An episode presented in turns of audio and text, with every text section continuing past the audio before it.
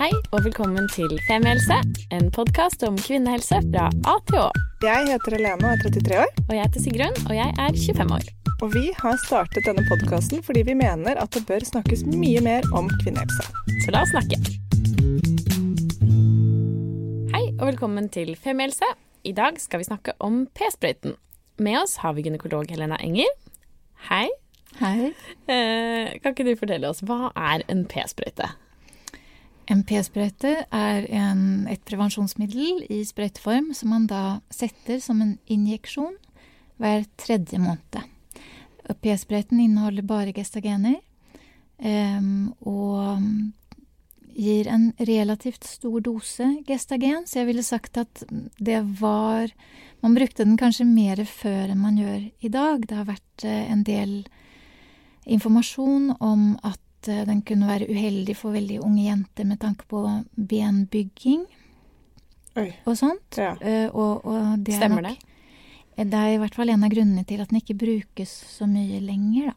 Ok, Så det er ikke en av de mest brukte prevensjonsmidlene, og kanskje heller ikke det man anbefaler da, til unge jenter? Det er ikke det første vi anbefaler, tror jeg at jeg ville sagt. Nei. Hvem er det som kanskje kan funke godt på en p-sprøyte, da?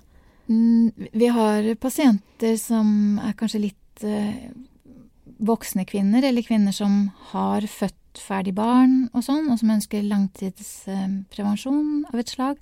Og eh, p-sprøyten gjør jo over tid at menstruasjonen forsvinner, så det er noen kvinner som har gått på det kanskje i mange år allerede, og som føler at det fungerer godt, og de fortsetter da gjerne på, på p-sprøyte.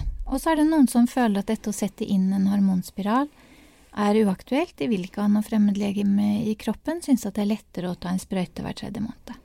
Og det er det uh, vi, Det har jo samme virkemiddel som minipillen, uh, gestagen. Så hvis dere vil høre mer om bivirkninger og virkninger der, så hør på episoden om minipill og p-pille. Men det vi kanskje også lander på her i Femihelse, er at det er så utrolig individuelt hva som funker og ikke funker.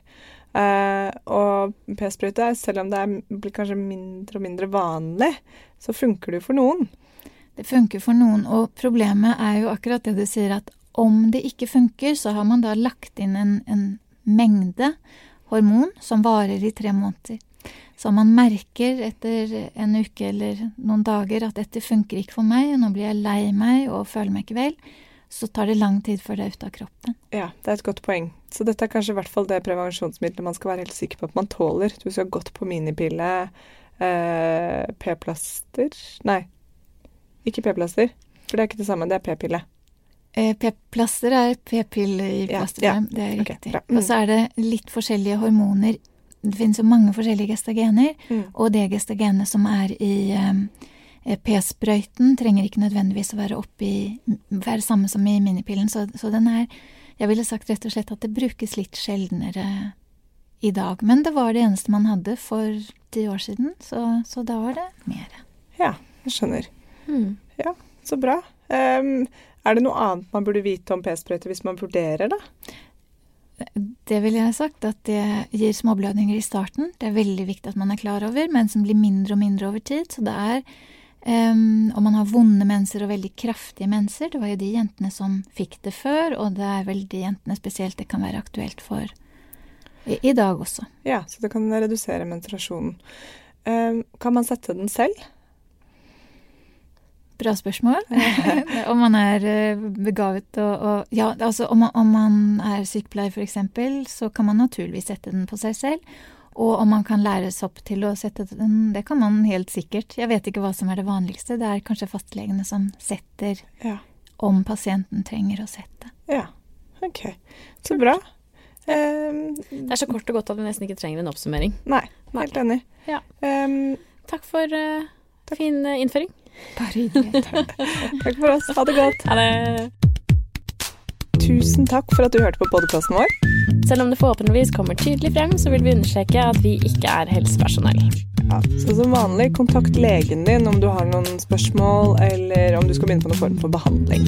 Og har du et tema som du har lyst til at vi skal snakke om, eller noe ris eller ros, så send oss gjerne en melding på Facebook eller på Instagram. Der finner du oss under Femihelse. Mm. Og du kan gjerne rate oss på iTunes, det er skikkelig hyggelig for oss. Ha en fin dag. Ha en kjempefin dag.